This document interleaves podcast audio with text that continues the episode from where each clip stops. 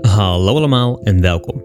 Mijn naam is Mike en in deze aflevering lees ik een verhaal voor uit eigen doos. Dit is Verhalen voor het slapen gaan.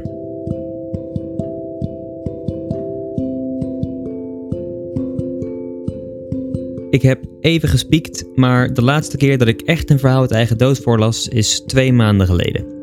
Dat komt eigenlijk vooral doordat alle verhalen die ik ooit heb geschreven en die goed genoeg waren, inmiddels op zijn. En dat betekent dat ik aan de bak moet. Ik probeer zoveel mogelijk te schrijven, maar soms zit de studie of werk in de weg. Vandaag heb ik gelukkig weer een zelfgeschreven verhaal. Het heet Spot en gaat over een 17-jarige jongen die van huis wegloopt, ongeveer drie jaar nadat zijn hond hetzelfde deed. We volgen de jongen terwijl hij de keuze maakt om te vertrekken en zien hoe hij denkt op straat in zijn eentje te kunnen overleven. Langzaam maar zeker begint hij aan zijn keuze te twijfelen. Dit is Spot.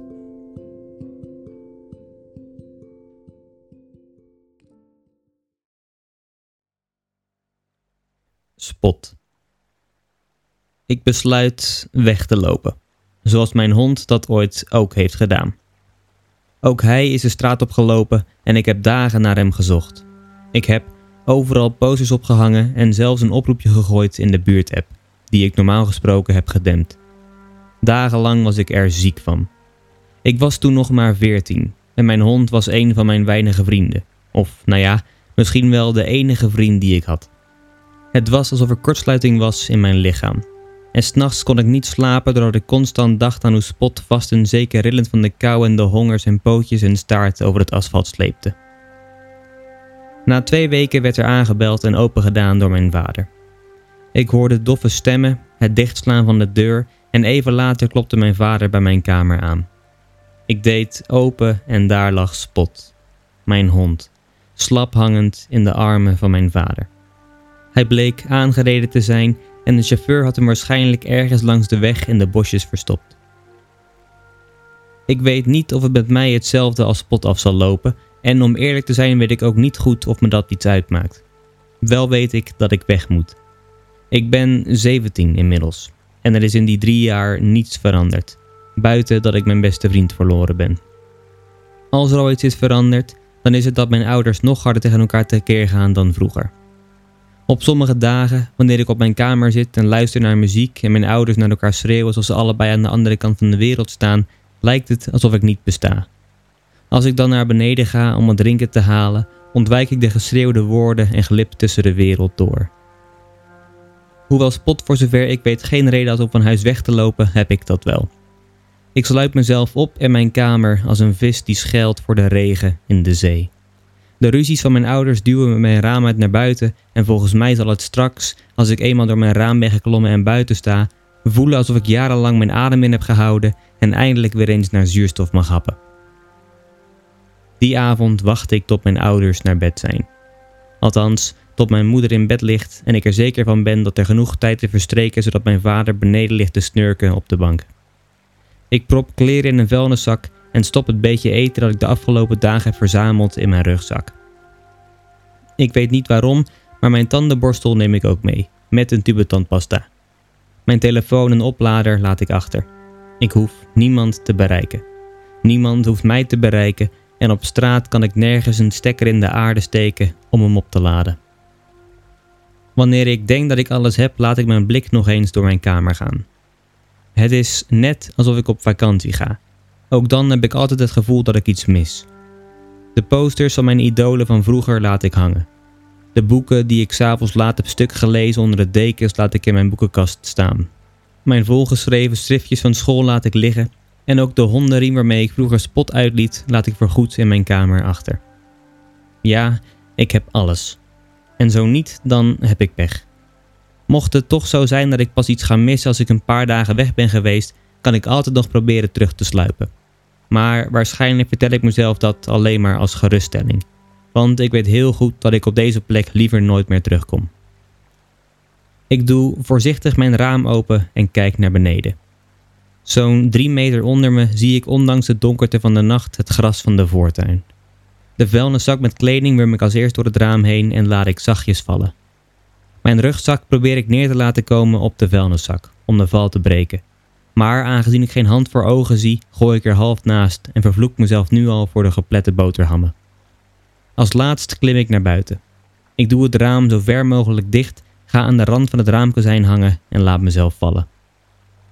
De grond is er eerder dan ik denk, en dus vangen mijn stijf gehouden knieën de klap op. Ja, het doet pijn, maar ik sta ongehavend buiten, zonder al te veel geluid te hebben gemaakt. Binnen gaan er geen lichten aan en ik zie geen beweging. Ik heb mezelf ongemerkt bevrijd. Nog even blijf ik staan, om te kijken of mijn ouders daadwerkelijk mijn vertrek niet hebben gemerkt, of toch niet iets van het ouderlijk instinct hen alarmeert en wakker maakt. Na een minuut of twee vraag ik me af waar ik in godsnaam eigenlijk op aan het wachten ben. Ik draai me om, pak mijn spullen en vertrek de nacht in. Terwijl ik over straat loop, kijk ik omhoog naar de maan.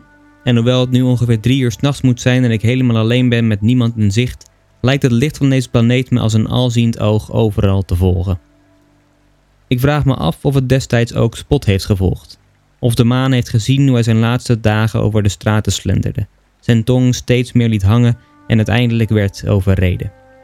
Ik vraag me af of de maan vaker honden als Spot of mensen zoals ik ziet weglopen en of hij weet wat er met mij gebeuren gaat. Ik heb er nog niet over nagedacht waar ik naartoe ga. Waar ik ga slapen. Ik heb geen geld op zak en aankloppen bij familie, want vrienden heb ik niet, is ook geen optie. Want dan zit ik binnen de kortste keren weer op mijn kamer. Nu pas realiseer ik me dat ik waarschijnlijk op straat zou moeten overnachten en ik dus eigenlijk op zijn minst een deken mee had moeten nemen. Maar ik zal het moeten doen met de kleren die ik heb. Na wat voelt als een uur te hebben gelopen, vind ik een brug waaronder ik kan liggen. Ik heb geen idee of een brug de optimale plek is om te slapen, maar wanneer ik denk aan daklozen, denk ik aan slapen onder bruggen. En dus geef ik mijn spullen een plekje, doe een paar lage kleding aan en ga tegen de vuilniszak aan liggen om langzaam in slaap te vallen. Ondanks het tijdstip wil dit niet echt lukken. De kou steekt door mijn truien heen en ook mijn gedachten hebben geen zin om tot stilstand te komen. Liggend onder een brug in de kou met maar enkele dagen aan voedsel, begin ik me af te vragen wat er zou gebeuren als ik over een maand ben verhongerd en mijn lichaam wordt gevonden. Ik vraag me af wie er dan zou huilen. Mijn ouders, hopelijk. Familie. Vrienden heb ik niet. Degenen die achteraf misschien zullen zeggen dat ze mijn vriend waren, zullen niet huilen. Misschien even in shock zijn. Ze zullen drie dagen later weer bijgekomen zijn en dan ben ik niets meer dan een herinnering die af en toe nog opduikt en met een beetje geluk iets teweeg brengt. Ook zijn er nog de mensen die aan zullen horen dat ik gestorven ben en niets doen dan hun schouders ophalen en vijf minuten later weer verder gaan met hun leven. Dat zal 99% zijn van de middelbare school. Mensen die ik ooit in mijn leven ergens tegen ben gekomen, figuranten in een film. En als laatste is er de overige 7 miljard. Mensen die me niet eens kennen en niet eens zullen horen dat ik dood ben. Voor wie mijn dood er net zo eentje is als die andere honderdduizend die die dag zijn overleden. Tenzij het op een spectaculaire manier gebeurt. Zoals springen van de Eiffeltoren of tijdens een aanslag in een grote stad op een belangrijke plek. Ook vraag ik me af hoe lang het zal duren voor mijn ouders me zullen missen en men begint met zoeken. Misschien krijg ik er wel niets van mee. Een telefoon heb ik niet en dus zal ik pas op de hoogte zijn van de zoekactie op het moment dat ik gevonden word. Waarvan ik nu nog niet eens weet of ik wil dat dat moment ooit gaat komen. En voordat ik daar echt goed over na kan denken, voel ik de kaars in mijn hoofd doven en val ik zachtjes in slaap.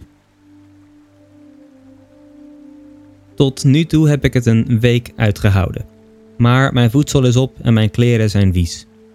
Ik heb elke dag trouw mijn tanden gepoetst maar toch zit er een bepaalde smaak in mijn mond die ik niet wegkrijg. Zoals het ook geen nut heeft om met een luchtverfrisser in een riool te gaan spuiten. De eerste twee dagen heb ik zoveel mogelijk onder mijn brug gezeten, voor me uitgestaard en geslapen. Dit deed ik omdat ik niet gevonden wilde worden, maar ook een beetje omdat er niet heel veel te doen is. Ik had eten en lopen over straat zou er alleen maar voor kunnen zorgen dat men mij zou herkennen. Al wist ik niet eens of er daadwerkelijk mensen naar me op zoek waren. Overdag heb ik geprobeerd te luisteren naar gesprekken van voorbijgangers. S'avonds ben ik vanaf dag drie voorzichtig de straat op gegaan om bij mensen naar binnen te kijken, om op het nieuws een glimp van mijn eigen gezicht op te vangen. Maar er was niets. Op dag 5 ging ik overdag de straat op en stal ik een paar kranten bij een kiosk. Maar ook daar was mijn vermissing nergens vermeld. Misschien werd er afgewacht of ik binnen een paar dagen terug zou komen. Of misschien kon het ze geen flikkers schelen dat ik weg was en hebben mijn ouders het er maar bij gelaten. Het leek in ieder geval alsof ik succesvol in de rook was opgegaan. Op dag 6 ging ik op rantsoen en begon ik honger te krijgen. Nu is mijn eten op. En terwijl ik aan het nadenken ben over hoe ik aan eten moet komen en ik het best in prullenbakken kan graven, begin ik me af te vragen wat ik hier nu eigenlijk in godsnaam aan het doen ben onder deze brug. Wat is mijn plan? Ga ik de rest van mijn leven onder een brug wonen en voedsel opgraven uit de grabbelton? Of net zo lang wachten tot ik net als spot eindig aan de rand van de weg? Had ik echt gedacht dat weglopen een oplossing was? Of was het alleen maar een middel? Ik weet niet of het komt door mijn honger of het slaaptekort, maar opeens ben ik er niet meer zo zeker van dat ik hier onder deze brug thuis hoor. Maar wat doe ik eraan? Zelf teruggaan en mezelf gewonnen geven is geen optie. Dat tast het kleine beetje trots aan dat zelfs ik nog heb. Verder zit er niets anders op dan afwachten tot men gaat zoeken. En net zo lang overleven tot ik gevonden. Wacht, stil eens. Links van me hoor ik voetstappen dichterbij komen en komt er plotseling een hoofd om een hoekje van de onderkant van de brug kijken. De man kijkt naar me met grote ogen en volgens mij kijk ik met even grote ogen terug, alsof we elkaar op een misdaad hebben betrapt. Dan draait hij zijn hoofd weer terug. Mevrouw, is dit hem? Is dit uw zoon? Ik hoor meer vlugge voetstappen en even later komt het hoofd van mijn moeder tevoorschijn. Hoewel het donker is onder de brug, zie ik dat haar ogen betraand zijn. Haar wangen glinsteren, haar haren zitten door de war en haar mond hangt open. Even staart ze naar me, alsof ze een geest ziet die uit de dodenrijk is teruggekeerd. Dan slaakt ze een kreet en kruipt ze zo goed en zo kwaad als het gaat naar me toe om me tegen haar aan te drukken. Peet, schreeuwt ze. Peet, hij is hier, we hebben hem. Doordat mijn gezicht in haar schouder is gedrukt, zie ik niets. En ik moet zeggen dat ik sowieso een beetje mijn gevoel voor de realiteit kwijt ben, maar het duurt niet lang voor ik mijn beide ouders door elkaar heen hoor snikken. Ik luister naar hun stemmen die zeggen hoe erg ze gestrokken zijn en hoe erg ze me hebben gemist. Hoe ongelooflijk bang ze waren en hoe dit nooit weer mag gebeuren. Ik voel twee paar armen om me heen en word zo stevig omarmd dat ik bijna geen lucht meer krijg. Maar ik zeg er niets van. Ik ben al lang blij dat ik überhaupt word vastgehouden.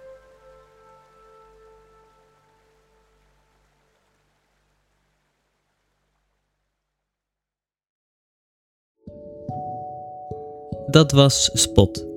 Het verhaal over een jongen die wegliep om gevonden te worden. Thuis heeft hij het gevoel dat hij niet bestaat en uit het huis wordt gedrukt. Maar wanneer hij eenmaal op straat leeft, begint hij zich af te vragen waarom hij nou eigenlijk weg is gelopen. We lezen mee met zijn gedachten en zien dat hij nadenkt over wat er zou gebeuren met de mensen om hem heen als hij zou overlijden. We zien hoe hij op zoek gaat naar tekenen dat er naar hem wordt gezocht. Zo wordt langzaamaan duidelijk dat hij misschien wel hoopt dat hij gevonden wordt, omdat dat zou betekenen dat hij wordt gemist en dat hij bestaat. Ik denk zelf dat het verhaal vooral over eenzaamheid en de wil om gezien te worden gaat, wat ook een beetje doet denken aan Daniel, een verhaal dat ik eerder op de podcast ook al voorlas. Ik doe het in ieder geval niet expres. Ik hoop dat het volgende verhaal weer wat vrolijker zal zijn, want we hebben al lang niks meer gehoord van Wim Jacobs. Mocht jij nou ook een verhaal hebben geschreven en wil je dat terug horen op de podcast, ga dan naar www.verhalenvoortslapengaan.com inzenden. Of klik op de link in de beschrijving van de podcast. En wie weet lees ik hem dan binnenkort voor. Voor ik afsluit nog één dingetje. Het luisteren van de podcast is gratis, maar het maken is dat niet. Natuurlijk vind ik het hartstikke leuk om te doen. Maar mocht je bij willen dragen aan de verbetering van zowel de inhoud als de kwaliteit van de podcast, dan kan dat via PayPal of Kofi. De link daarvoor staat in de beschrijving. En een deel van de donaties komt ook weer bij jullie terug in de vorm van bijvoorbeeld giveaways en andere leuke prijzen. Ik wil jullie hartstikke bedanken voor het luisteren naar deze podcast. Voor achter de schermen, updates, vragen of opmerkingen kun je me vinden op Instagram en Facebook onder de naam Verhalen voor het slapen gaan. En dan zie slash hoor ik jullie volgende week. Voor nu, goede nacht Slaap zacht.